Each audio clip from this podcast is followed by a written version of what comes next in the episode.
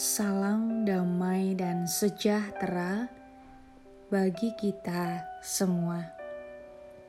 Saudara yang terkasih, hari ini kita akan bersama-sama merenungkan firman Tuhan yang diambil dari 1 Yohanes 2 ayat 9 sampai 12. Barang siapa berkata bahwa ia berada di dalam terang, tetapi ia membenci saudaranya, ia berada di dalam kegelapan sampai sekarang. Barang siapa mengasihi saudaranya, ia tetap berada di dalam terang, dan di dalam dia tidak ada penyesatan.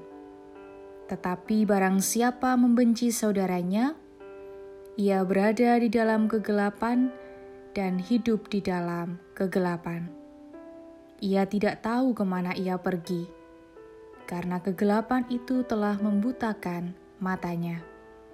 Aku menulis kepada kamu, hai anak-anak, sebab dosamu telah diampuni oleh karena namanya. Mengasihi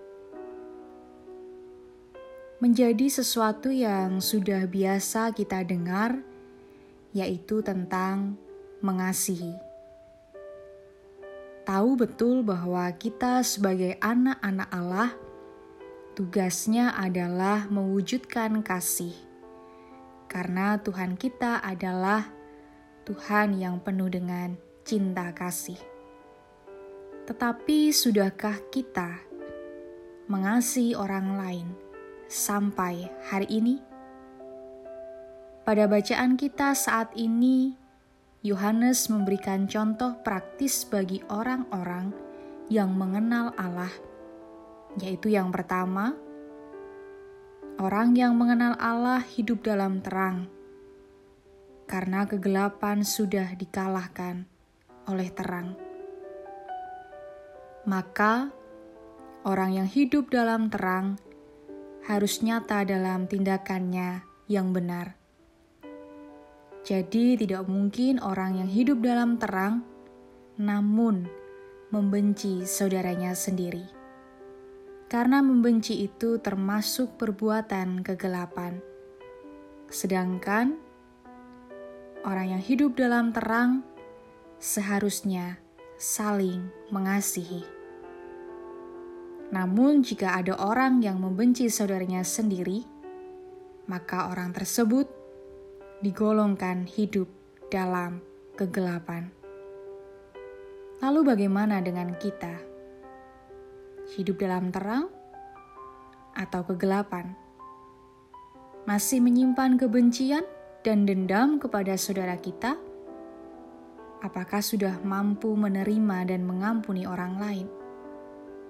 Ingat bahwa kita anak-anak Allah jika kita mampu mengasihi dan tidak membenci saudara kita.